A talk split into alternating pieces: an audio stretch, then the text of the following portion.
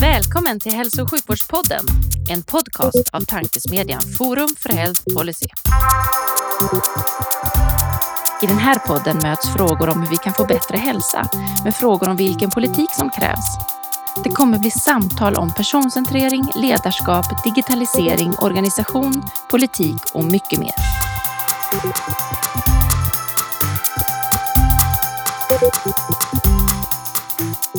Hej och välkomna till Hälso och sjukvårdspodden från Forum för Health Policy. Forum för Health Policy är en oberoende tankesmedja som syftar till att driva på innovation och utveckling i hälso och sjukvården och omsorgen. Jag heter Magnus Lejelöw och arbetar till vardags för Läkemedelsindustriföreningen men är även styrelseledamot i Forum för Health Policy. Och vid min sida sitter som vanligt Livia Holm, också styrelseledamot i Forum för Health Policy och till vardags policychef på KRY. Och idag har vi förmånen att ha ett speciellt avsnitt dubbelt upp. För det första är det vårt första avsnitt med två gäster och för det andra så är det första samtalet, ja, det blir ganska naturligt då, med, med ett gift par. Eh, det blir således ett speciellt, men med, alldeles, med all säkerhet ett lysande avsnitt. Eh, varmt välkomna Katarina Barkman och Stefan Fönster. Tack. Tack så mycket. Vi börjar som vanligt podden med en faktaruta eh, och vi låter naturligtvis damerna börja, särskilt när damen i fråga är verksamhetsansvarig för Forum för Health Policy. Så Katarina, vilket tycker du är det bästa sjukvårdssystemet i världen och varför? Ja, nu får jag stå till svars för de här frågorna som vi diskuterade när podden lanserades. Men eh, tittar man på de utmaningar som Sverige har så är det framför allt eh, tillgängligheten, det är koordineringen utav vården, det är tillgång till information. Eh, så att, eh, det är många tidigare som har pratat om Nederländerna men jag skulle ändå vilja lyfta fram Nederländerna av flera skäl. Eh, dels tycker jag det är spännande att de har så pass goda resultat när det gäller både kvalitet, diagnoser till exempel, men även när det gäller tillgänglighet, eh, förtroende för vården, kontinuitet. Sen har de ju ett helt annat system som jag tycker är spännande att jämföra med. Ett försäkringsbaserat system där det finns privata huvudmän som man så att säga kan, kan välja mellan.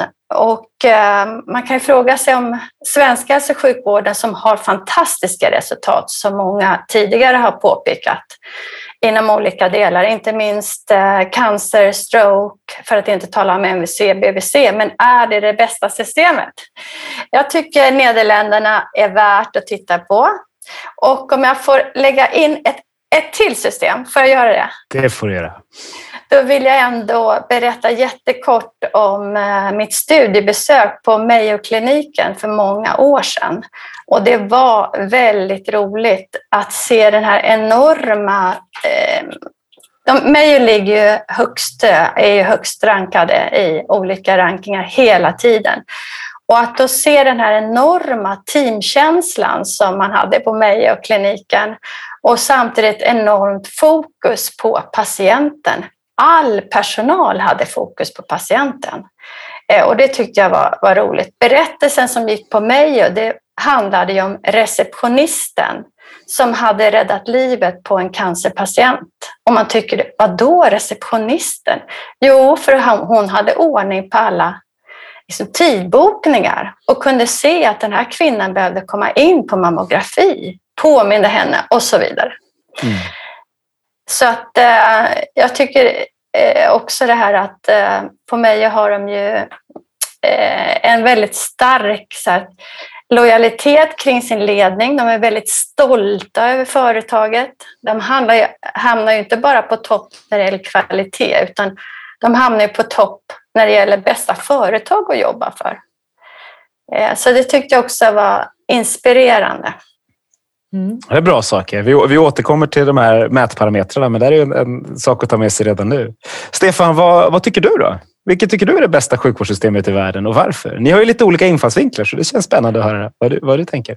Um, ja, alltså, det finns inget sjukvårdssystem som är bäst på allt, uh, men uh, ett som, som jag tycker fungerar bra i väldigt många avseenden, det är det schweiziska sjukvårdssystemet som också som på ytan eh, är ett försäkringsbaserat system, det vill säga att man eh, kan, kan välja ett annat försäkringsbolag om man inte är nöjd. Det är som om man i Sverige skulle kunna byta landsting eller region om man inte är nöjd. Eh, men, men sedan är den statliga regleringen tycker jag är väldigt klok. Man kanske luras lite av att schweizarna försöker de, de lyckas ju få nästan allt att fungera väldigt bra oavsett hur det är organiserat. Men, men bara för att, för att ge några exempel så, så har man eh, naturligtvis eh, som reglerat och ordnat så att försäkringsbolagen måste försäkra alla eh, oavsett om de har råd eller inte och det finns en omfördelning mellan försäkringsbolagen som eh, kompenserar för att, att vissa försäkringsbolag kanske har fler äldre.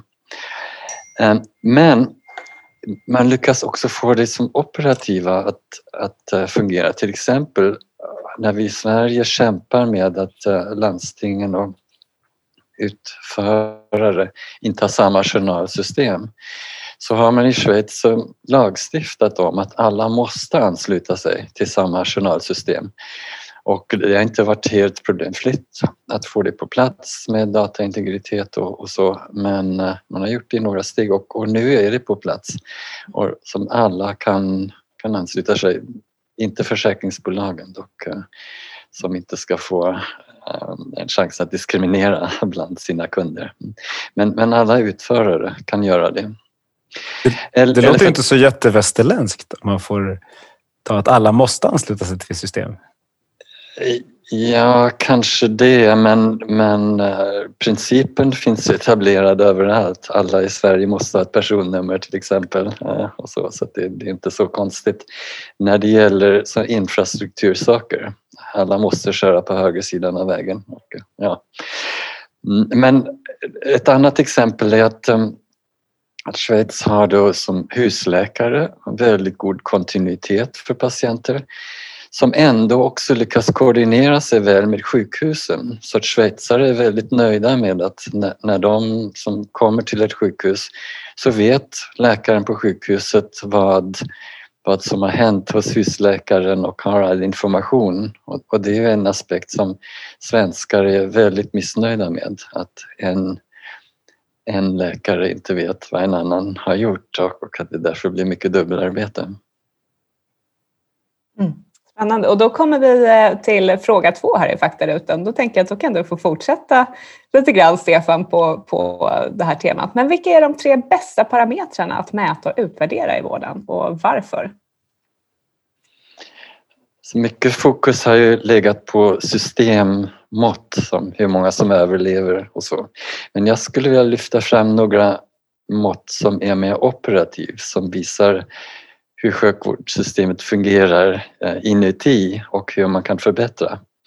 En sak som, jag har som engagerat mig i det är att um, mäta irrvägarna i systemet. I, I Sverige är det ofta så att man ringer kanske till 1177 först och sen får man besked om att man ska gå till eh, vårdcentral eller någon annan klinik och sen kanske man ringer kliniken och får besked om att det är fullt och man ska, måste ha remiss fastän det inte alltid är sant. Sen kanske man går till sin vårdcentral och får remiss och sen får man remiss till en specialist som kanske remitterar en vidare och så vidare och så vidare. Och, och var, varje gång man måste berätta för en vårdpersonal, vare sig det är telefon eller, eller fysiskt, så tar det tid från något annat som är viktigare. Och när jag när jag har gjort studier om det så visar sig att, att den tid i sjukvården som går förlorad i Sverige på dessa irrvägar och dubbelarbete, som det motsvarar miljoner vårdbesök som vi skulle kunna använda bättre. Och, och därför tycker jag att det, det vore väldigt bra att eh, mäta Eh, hur de här irrvägarna och onödiga besöken ser ut som ingen gör i dagsläget. Och, och sen naturligtvis också att införa ett elektroniskt remissystem eh, som en, en, jag tror blir ett, ett, en naturlig följd av att man börjar mäta. Där en primärvårdsläkare som direkt kan få svar av en specialist att ja, den patienten tror jag att jag kan hjälpa eller den kanske du borde försöka härmed först. Ja, det är ett sådant operativt mått. Eh, ett annat som jag skulle vilja lyfta fram det är eh, att mäta och ha koll på diagnosfel oftare. Eh, det finns ett antal internationella undersökningar och några små i Sverige som, som ändå tyder på att det förekommer som väldigt mycket diagnosfel. Ibland på grund av systemfel, patienter kanske kommer till fel ställen. Men ibland också för att läkare inte har koll. Um, och, och, till exempel är det ju så att Sverige har, i Sverige har fortbildning av läkare minskat ganska kraftigt under de senaste 20 åren uh, och är väldigt lågt jämfört med fortbildning av läkare i andra länder. I många andra länder finns det återkommande krav på kunskapsprov dessutom. Ja, så här, diagnosfel kan man mäta genom att göra stickprov med journalgenomgångar till exempel. Eh, och, och det tycker jag är ett annat sådant operativt mått som ganska snabbt ger svar på vad man kan förbättra. Um, som, som jag tycker vore värt att göra mycket mer av. Här, jag blev nyfiken på det här med eh, irrvägar i vården eh, och kopplat till ineffektivitet. Har du några bra förslag på hur man skulle kunna mäta det där? Det låter svårt. Eh, eh, eh, jag tror inte att det är så svårt och ett sätt är ju också genom stickprov av journaler ehm, där man kan följa hur en patient har rört sig i vården. Eh, och, och vilka besök och, och där drar slutsatser vilka besök som är onödiga. Mm. Så, så att, eh, sen finns det andra mer statistiska sätt att, att göra det också. Man kan jämföra hur många eh, kontakter en patient måste ta för att till slut komma rätt. Mm, mm spännande. Katarina, har du eh, några fler tankar kring bra parametrar att mäta och utvärdera i vården? Jag tror att om man ska titta på hela systemet, du sa tre Olivia, eller Magnus här, jag, eh, jag, jag ska prata om fyra mått. Men ska man titta på hela systemet så tycker jag man, man måste fånga upp vad patienten tycker. Så patienten är det första. Sen om det handlar om förtroende eller om man kan rekommendera läkaren till någon annan eller så, eh, eh, eh och så vidare. Så man måste följa upp vad patienten, hur patienten ser på sin vård. Sen har vi det här breda begreppet kvalitet och där finns det ju så otroligt många kvalitetsmått. Men skulle jag välja något som, som är brett och, och handlar om hälsoutfall så skulle jag nog ta sjukvårdsrelaterad åtgärdbar dödlighet. Det är ett sånt där mått som inbegriper många olika diagnoser och antalet dödsfall före en viss ålder orsakats av sjukdomar som bedöms kunna påverkas genom insatser då, eller behandling. Sen så nummer tre, tillgängligheten, absolut. Och inte minst för vi vet att kommer man in rätt och kommer man in tidigt så spelar det stor roll, inte bara för patienten utan också för, för systemet och, och kostnader för systemet. Sen vill jag också lyfta fram produktivitet som nummer fyra. Det är ju någonting som har blivit nästan lite lite så här fult ord inom sjukvården nu. Så fort man säger produktivitet så ja, vi ska bara räkna pinnar och det, eh, det handlar inte om kvalitet och så vidare. Jo, men absolut handlar det om kvalitet och jag tycker att produktiviteten är jätteviktig. Och det betyder inte att man inte ska mäta annat samtidigt. Men om man läser senaste rapporter om att eh, Eh, Eh, det är inom barn och ungdomspsykiatri ett läkarbesök per dag, ett barn per dag, per läkare. Då är det klart man måste fråga sig varför ser det ut som det gör? Eller den här studien från 2015 när man tittade på produktiviteten bland nordiska sjukhus och där Sverige hamnade faktiskt sämst. Och det var ju stora variationer mellan sjukhusen förstås, men också mellan, mellan eller land, eh, inom länder, men också mellan länder. Men, men där hamnade vi sämst. Det var ju Claes Renbergs studie. Eh, det var 2015 och, och, man skulle vilja se en studie nu hur det ser ut. Jag har frågat honom, han är forskare i Forums forskarnätverk. Han, det var en ganska dyr studie, så det är en sån här studie som borde göras. Men även där, varför ser det ut som det gör? Och det kanske finns goda skäl. Men jag är lite rädd för att vi, vi lämnar produktivitet och kostnadsfrågan lite för mycket åt sidan. Så att eh, eh nu känns det som att jag sticker ut hakan och säger att det är bra att mäta produktivitet, men, men det tycker jag. Du säger också att det är bra att mäta produktivitet om man mäter andra saker samtidigt. Då, då nyanserar du bilden ja, lite. Det är ja. precis, vi får det vi mäter, så då gäller det att eh, man landar på så bra sätt som möjligt. Eh, vi smyger vidare till den tredje frågan av våra fyra i faktarutan. Och det handlar om, vi håller just nu på att bygga framtidens vårdinformationsmiljöer eh, i Sverige, eller framtidens hälso och sjukvård. Hur, har ni några medskick? Vi brukar säga två för att eh, det kan bli så mycket annars. Två bra medskick till de som håller på att förändra svensk hälso och sjukvård och den digitala plattformen därunder. Eh, Katarina, ska du sätta igång med den mumsbiten? Ja, jag tror att ett medskick handlar ju om ändå om statens roll.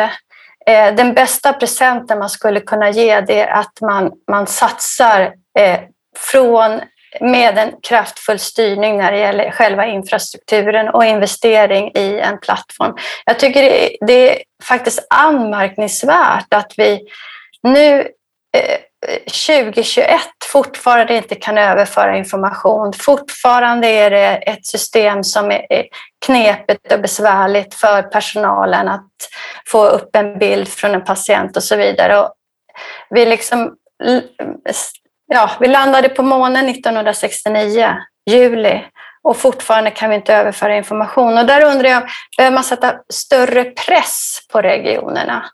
I Finland så får man ju betala böter om man inte rapporterar in till deras plattform motsvarande NPÖ, nationell eh, patientöversikten. Så jag tror kanske ett, ett mer kraftfullt, kraftfull styrning i, när det gäller digitala infrastrukturen från, från staten om de ska hjälpa till med något. Sen finns, kommer vi tillbaka till digitaliseringen. Det är en spännande fråga generellt. Den hoppar vi inte över idag heller. Vi, vi lovar det. Stefan, eh, nu tänker vi på irrvägar i systemet och diagnosfel. Är det, är det några, någonting med det som kommer att handla om tipsen eller har du några andra tips du vill ge dem som håller på med framtidens vårdinformationsmiljöer? Ja, men låt mig fortsätta den tråden då. Ehm, eh, jag har liksom tittat internationellt på vad studier visar är lågt hängande frukter när det gäller digitalisering.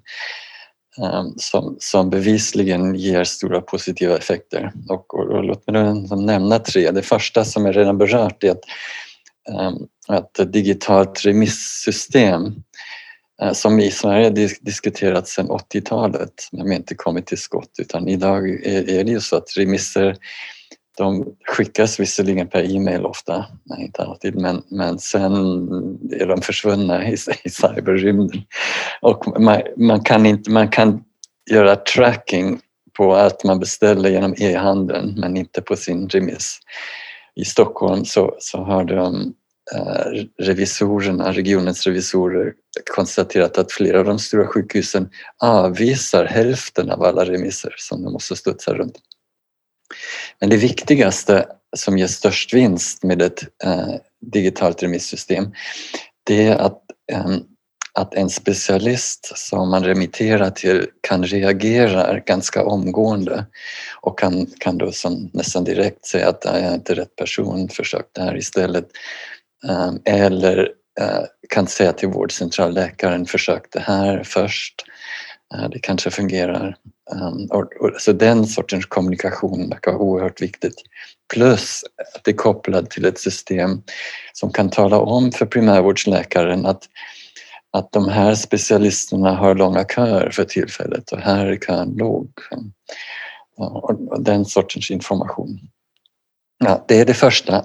Det andra som börjar komma lite grann i Sverige på försök det är att ehm, att sjukvården har digital kontakt med sina patienter. Framförallt ehm, patienter som nyss har skrivits ut från sjukhusen eller som har kroniska sjukdomar som kan, som kan ha en liten läsplatta där de matar in sina egna nätvärden varje dag. Eh, och eh, som liksom återförs till sjukhuset eller vem nu specialisten är. Mm, och ehm, där, där även en dator mer automatiskt kan som granska dessa värden och larma om när det blir någon avvikelse eller, eller något som man borde göra. Plus att patienten kan som, på, på det sättet fråga sin läkare helt enkelt varje dag om det ena eller det andra. Det verkar som minska um, inläggningar på sjukhusen dramatiskt och ger väldigt stora kostnadsbesparingar. Ja, och det tredje som jag skulle lyfta det är den interna kommunikationen i sjukhusen eller mellan sjukhusen. En del sjukhus har börjat införa um, alltså realtidsstyrningssystem där, där man har som ett kontrolltorn där man precis ser hur patientflöden ser ut. Datorn kan larma om och förutspå när det kommer bli flaskhalsar flera timmar i förväg. Och så kan man ändra personalstyrka och så vidare. Och en, en pandang till det är att man kan knyta ihop olika sjukhus så att en, en akutmottagning på ett mindre sjukhus till exempel lätt kan koppla upp sig till den bästa specialisten i landet och på det sättet få en, en hjälp som man idag ofta inte får. Det blir ett stort eh, rörpostsystem det där. Ja, fast det är digitalt och, på skärm så det, det, är nästan som om denna specialist någonstans i landet är med i rummet. Och, och allt, alltså, så det här är tre saker som, som finns på sina håll, som, som är evidensprövad, men som ändå går väldigt trögt att införa. Mm. Ni är båda två inne mycket på digitaliseringens eh, roll i framtidens sjukvård här och det ska vi återkomma till också. Men vi har en eh, liten fråga som vi eh, brukar ha med i faktarutan här mot slutet. Eh, kopplat till det här som du sa Katarina, patienten måste vara i första rummet när vi diskuterar hur vi utvecklar vården och då är vi nyfikna på era finaste patientanekdoter genom era långa karriärer. Ja, och då eh, måste jag faktiskt få berätta om eh, en patientanekdot som inte har med mig själv att göra utan faktiskt har med Forum för Health Policys patientpris som är instiftat. Och eh, den eh, berättelsen börjar väldigt ledsamt och tråkigt men den fortsätter bra. Och eh, den här patienten, Jessica Dahlin, som blev nominerad och fick Forum för Health Policys patientpris, det är en cancerpatient. Och hon berättar ju hur hon fick lite ont i magen 2017 eh, efter ett antal veckor veckor, tog kontakt med primärvården, berättade om sina problem men blev avvisad. Det tog lång tid innan hon kom in. Och sen berättade hon om en karusell i primärvården där hon blev skickad runt. Och det rörde sig om ett, kanske sex, sju månader till ena läkaren, en idé, remiss till specialistvården och sen tillbaka. Och sen så småningom så var det någon läkare som inte hade någon idé och skickade på en CT-scan för eh, buk och eh, man fann då att hon hade buken full av tumörer. Och man blir bara så ledsen när man hör om hennes irrvägar, på tal om det som Stefan pratar om, irrvägar i vården och hennes karusell. Men här kommer det, den goda delen. Och när hon väl kommer in till onkologimottagningen, gynekologiska onkologimottagningen, Centralsjukhuset i Karlstad och ett standardiserat vårdförlopp, då går allting så himla bra. Det är snabbt, eh, de följer hela vårdkedjan. Inom en kort tid så har de fått eh, diagnos, tester, behandling påbörjad. Hon berättar om att alla läkare är så pålästa, digitala verktyg används eh, på ett bra sätt när hon flytt, är tvungen att få vård på Uppsala, universitetssjukhuset där, och då är de på tårna, pålästa där. Och sen så lyfter de fram den här fantastiska kontaktsjuksköterskan.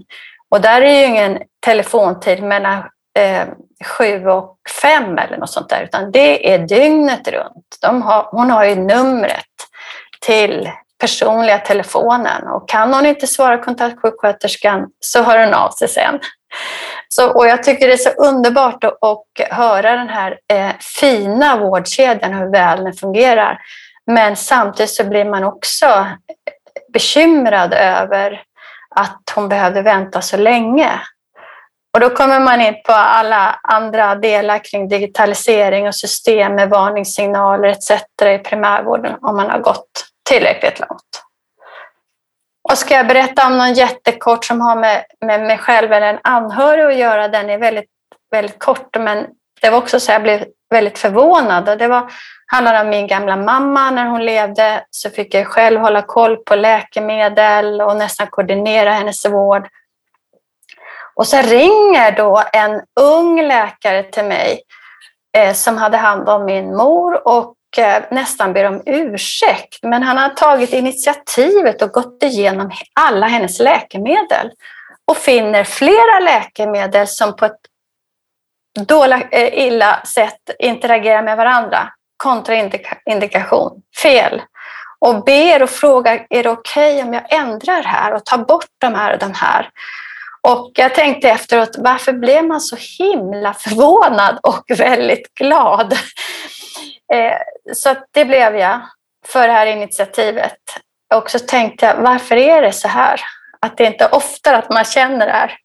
Att eh, man får den här kontakten, feedbacken tillbaka. Så det var två olika fall som jag tänkte på. Mycket bra fall. Har du någonting Stefan som du vill dela med dig av?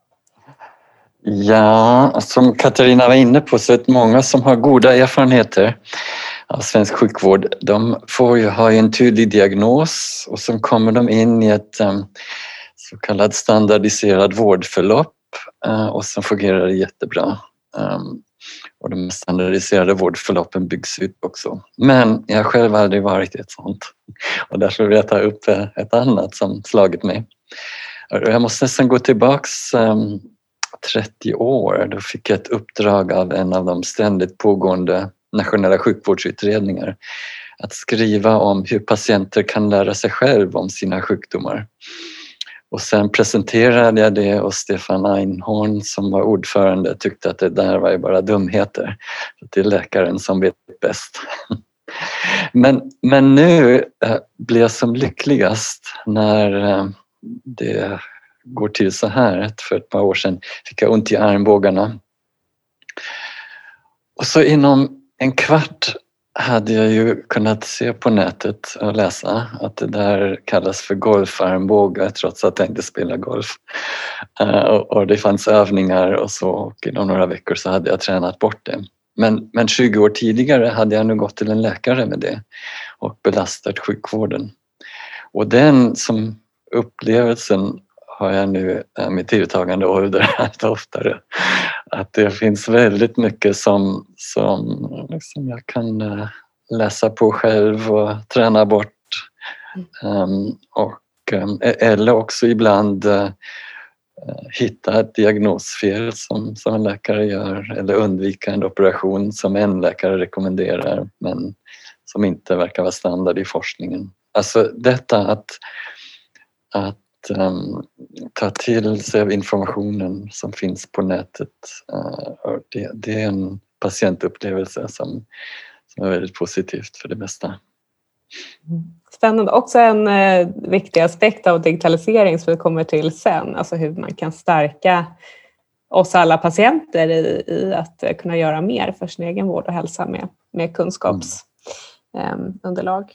Men eh, vi har inte hunnit prata någonting om eh, egentligen vilka ni är.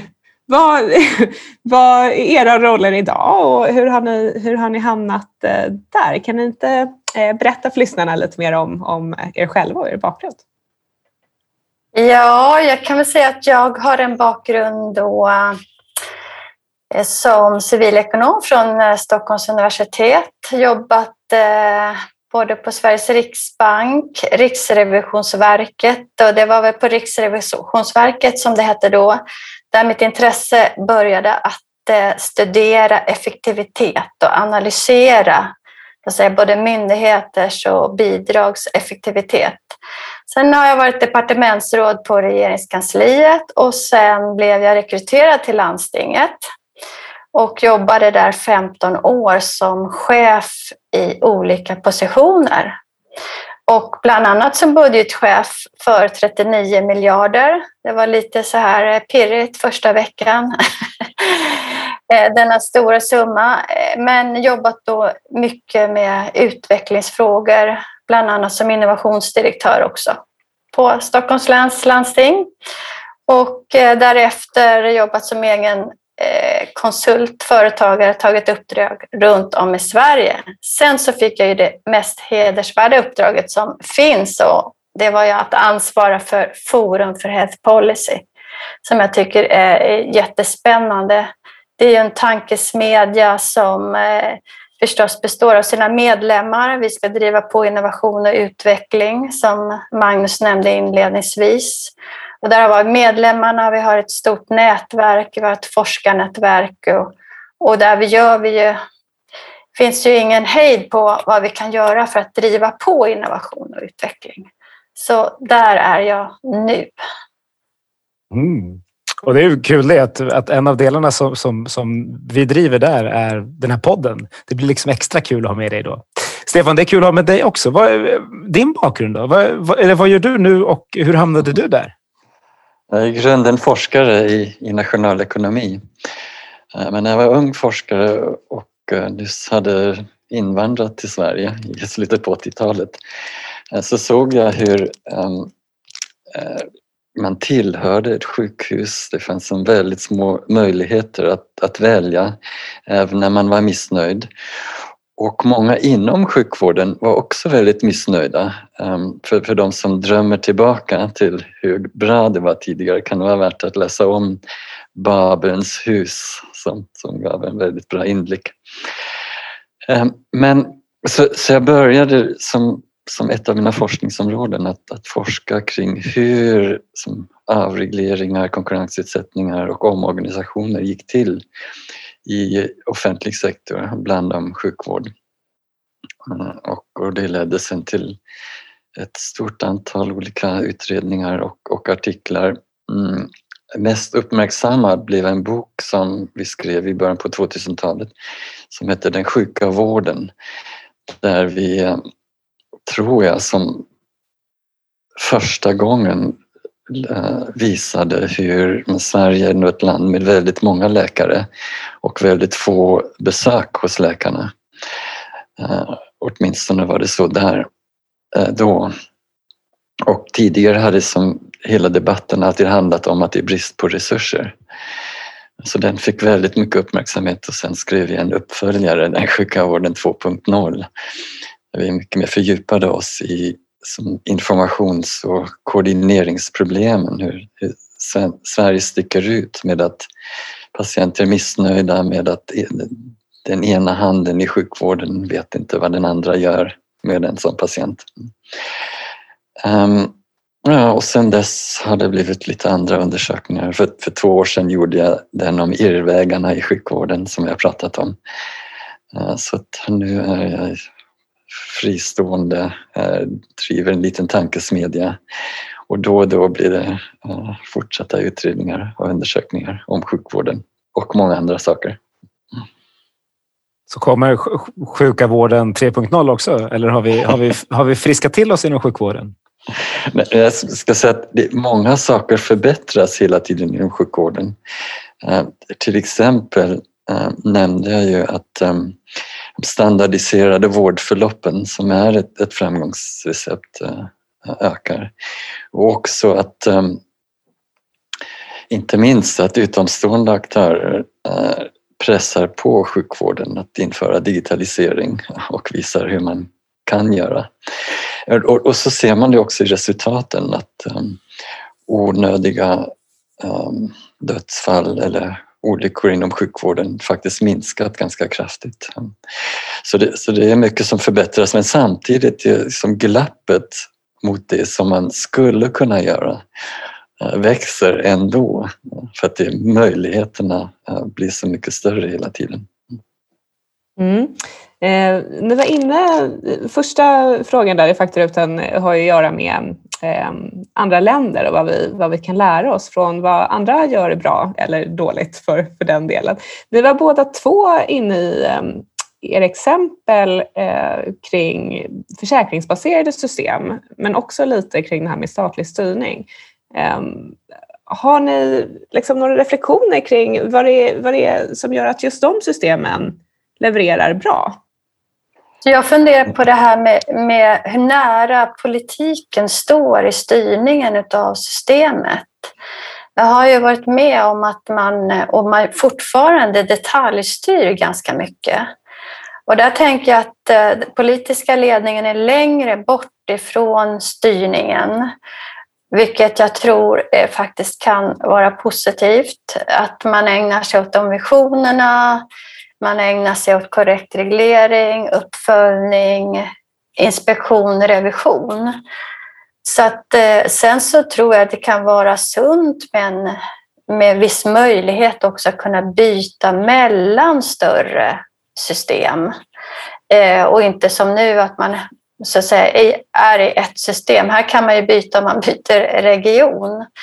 Men eh, vi har ju föreslagit i någon rapport från Forum för Health Policy att eh, precis som Göran Stiernstedt tar upp i sin effektiv vård att det ska, kanske skulle kunna experimenteras med att en vårdgivare får ansvar för en population och då både vården och omsorgen inom ett område.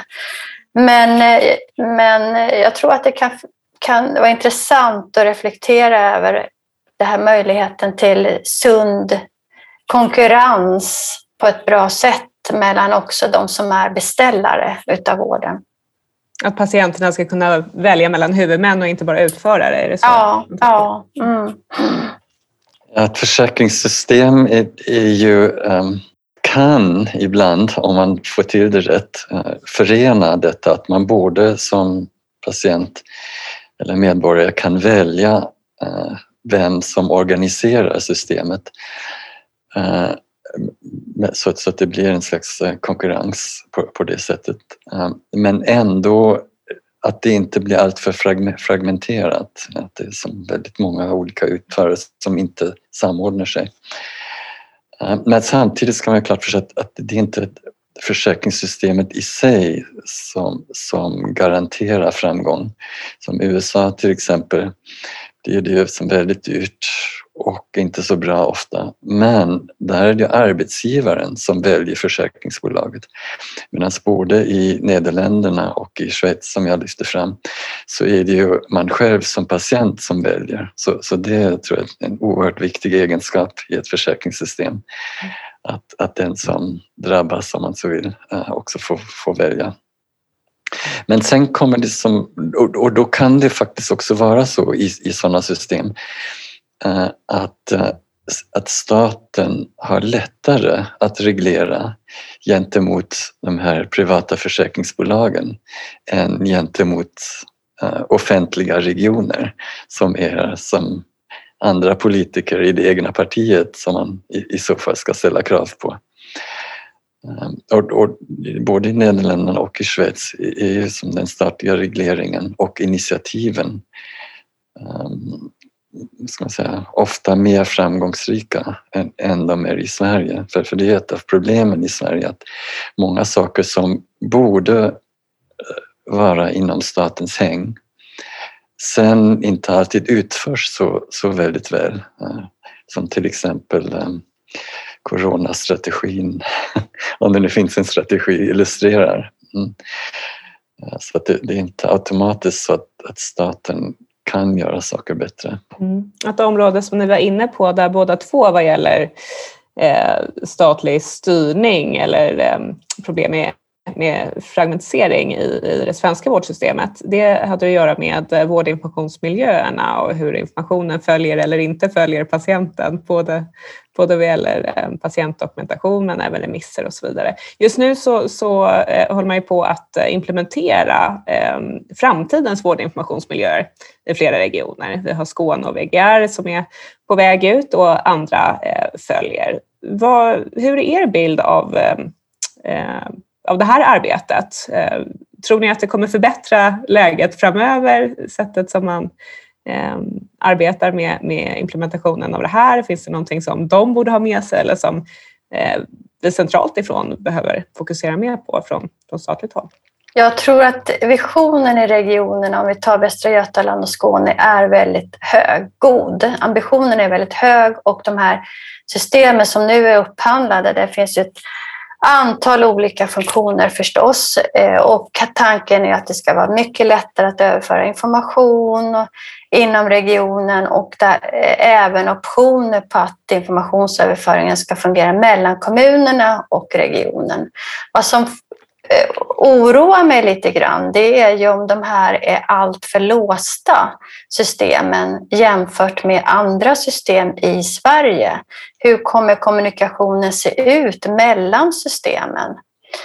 Eh, och där finns det ju massor med olika synpunkter eh, från tekniker som säger då bland annat att ja, det här är låsta system. Eh, det blir svårt att kommunicera mellan regionerna och andra säger men här har vi nu så bra funktioner inom ett och samma system så det kommer gynna regionen. Så medskick i det här det är ju eh, att regionerna nu ändå har ett väldigt nära samarbete med både kommuner och varandra för att säkerställa det här som vi behöver ha. Alltså en konkret informationsöverföring mellan systemen. Och när den här podcasten släpps så är det dagen innan vi ska ha en workshop med Forum där vi diskuterar just detta. Så det passar ju ypperligt som teaser för det. Ja, men det, är, det är så. Okej, okay, det är Och har ni inte anmält er så får ni anmäla er nu. Det är bara in direkt nu när ni har lyssnat, halvvägs in i podden. Stefan, har du, vill du reflektera lite kring det här med framtidens vårdinformation också? Ja, jag får erkänna att det finns många aspekter som jag inte överblickar i det. Men däremot så är jag övertygad om att, att just den, den statliga um, insatsen här borde vara mycket bättre och, och starkare. Men staten borde som i Schweiz ställa krav på att systemen kan kommunicera med varandra eh, till en gemensam journalstandard.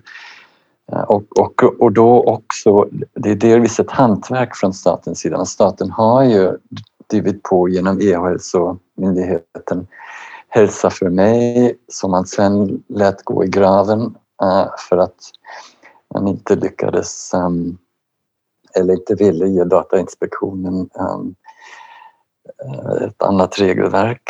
Och mot, i bakgrunden finns också att alltså OECD säger nu att, att Sverige har som halkat ner många steg jämfört med andra länder när det gäller regeringars eh, och myndigheters digitaliseringsförmåga.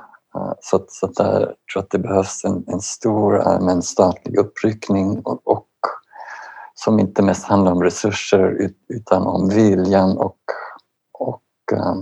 förmågan att, att ändra i regelverken som, som möjliggör detta. Eh, när vi pratade om vad ni gör idag, så när ni nämnde ordet tankesmedja båda två så lyste det i ögonen. Det såg ut som att det här var liksom det roligaste som händer just nu. Vad, eh, vad, vad, är det som är så kul med att jobba inom en tankesmedja och eh, vad säger ni till de som säger mycket snack och lite hockey? Stefan, ska du börja? Men, men ni har ju säkert hört att allt som politiker genomför Eh, eh, har som uppfunnits eller tänkt ut av någon eh, sedan länge död nationalekonom. Så att jag tänker mig att, att när jag dött sedan länge då kommer allt att förverkligas som jag skrivit. Det är ett uttryck jag inte hade hört förut. Men, men det, det, låter helt rimligt. Jag hoppas att du kan fortsätta leva och genomföra saker också. Det känns mycket roligt på något sätt. Katarina? För mig räcker det faktiskt väldigt långt när beslutsfattare har intresse för vad Forum för Health Policy gör.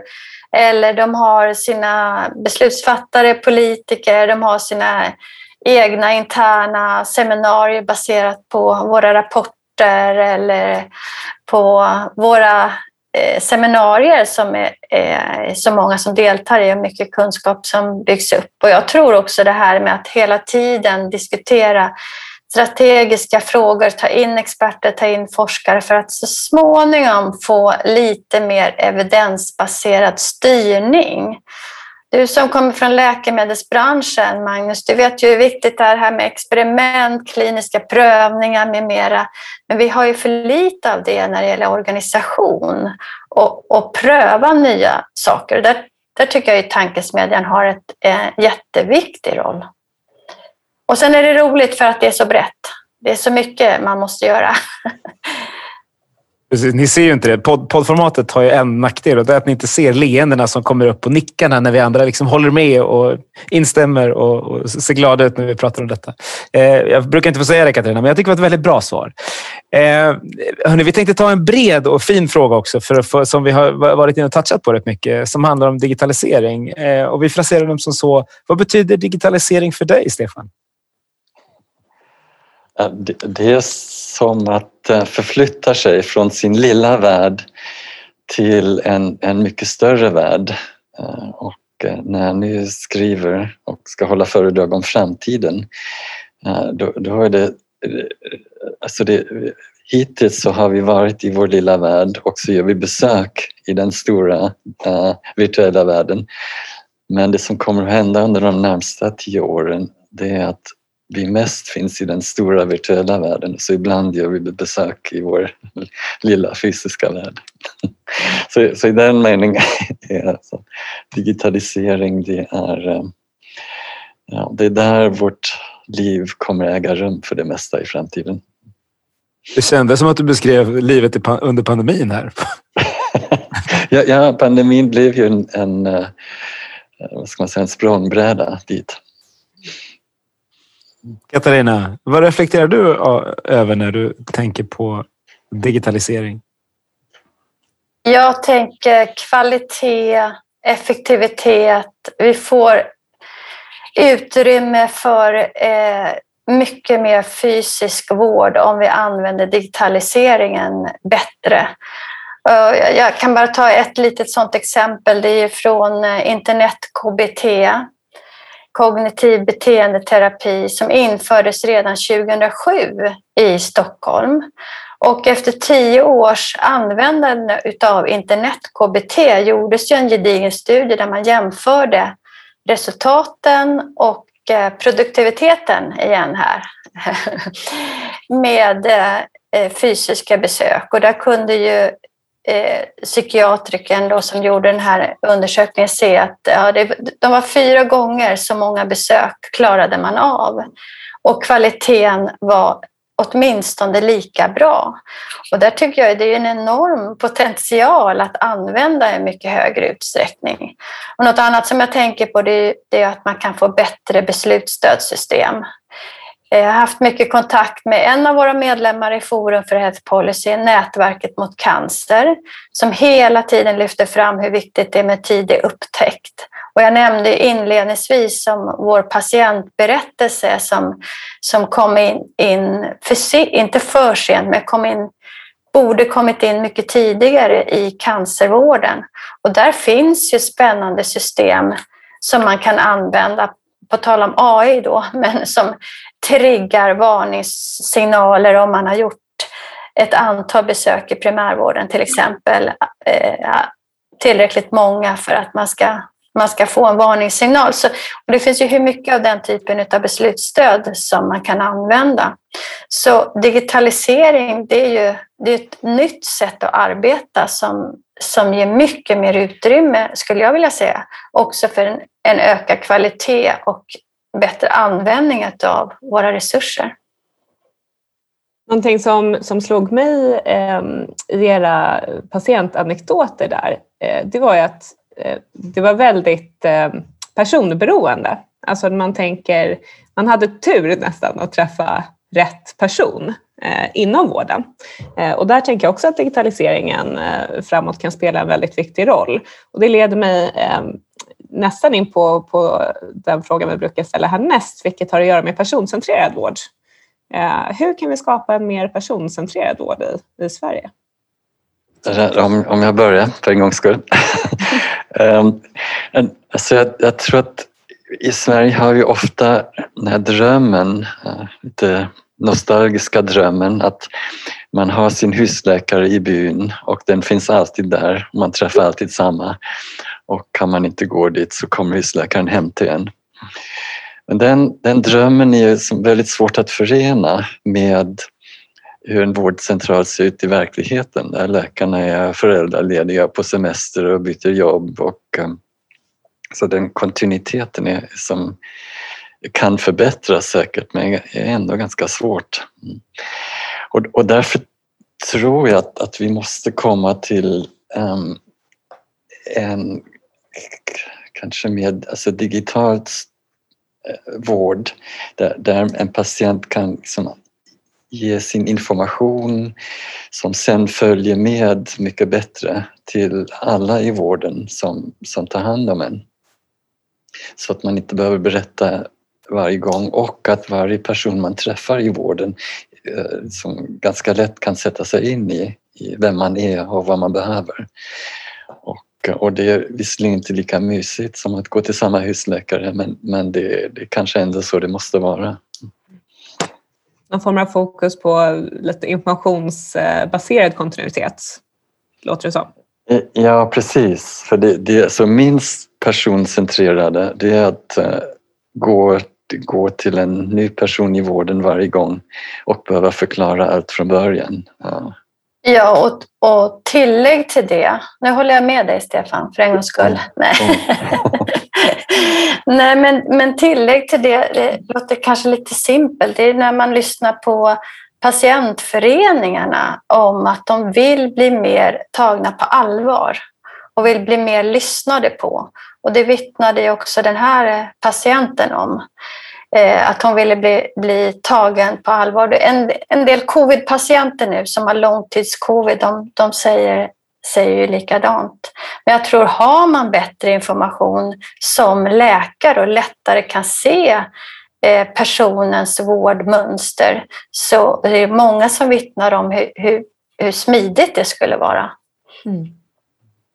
Ska vi se. Då funderar vi lite på framtiden. Vi, har, eh, vi börjar ha sprungit den där ganska närmare oss milen nu. Då, det vill vi ju se till att landa där någonstans ungefär. Så vi har ett par avslutande frågor. Den ena första är, hur tror ni att svensk hälso och sjukvård ser ut 2030? Vad tror ni de stora skillnaderna är från, från idag? Eh, Stefan, du får börja. Det är alltid bra att du får första ordet också. ja, då kan Katarina rätta mig sen. Um, ja, jag, jag, ser ju att det händer ändå väldigt mycket positivt i, i sjukvården. Mm. Och så många jobbar på där de är med förbättringar. Ehm, men sen tror jag ändå att det blir stora omvälvningar också. Att, ehm, och, ett sånt är ju att de eh, som digitala företag som nu kommer in och som i debatten ofta beskrivs som, som företag som liksom tar läkarbesök, enskilda läkarbesök. Jag tror att många av dem kommer att lyckas att um, knyta ihop hela vårdkedjor, remisser till specialister och, uh, och, och liksom allt som hör till och, samtidigt som de också kanske tvingas ha sina egna fysiska vårdcentraler och inrättningar. Och, och, och detta innebär att, att vi inom landstingen kommer få, vad ska man säga, mer heltäckande eller närmare heltäckande vårdaktörer. Um, och, och, det har varit väldigt spännande tycker jag, för, för det innebär att, um, att, att man som patient också har uh, valmöjlighet mellan den helt så att säga, regionorganiserade vården och en mer heltäckande eller flera mer heltäckande aktörer. Och, och det tror jag kommer spela en väldigt stor roll. Yes. Katarina, vad tror du? Jag tror att vi kommer ha kommit mycket längre när det gäller digitaliseringen och användningen av beslutsstödssystem. Eh, och jag tror också att patienterna kommer ställa andra krav som leder till de här förändringarna, också som Stefan var inne på. Eh, jag tror det kommer komma fler aktörer på sjukvårdsarenan, det gör det ju redan.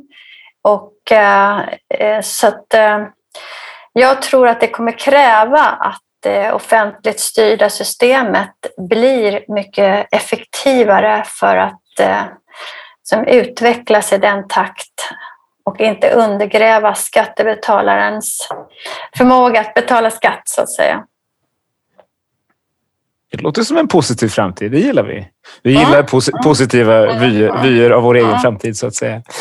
Eh, när ni kom hit idag till det digitala rummet där vi befinner oss, eh, är det något ni sagt som ni hade tänkt att få berätta som ni inte har fått berätta?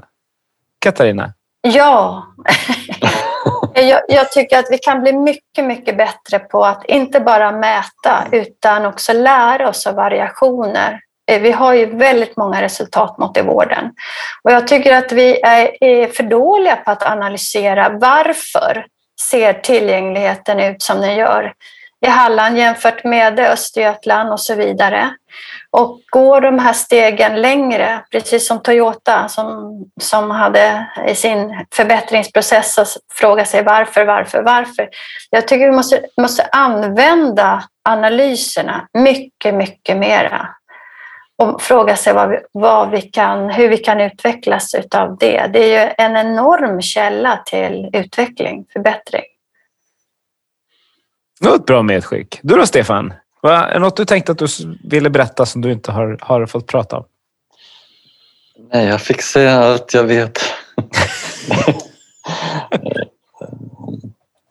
det är skönt när det känns så.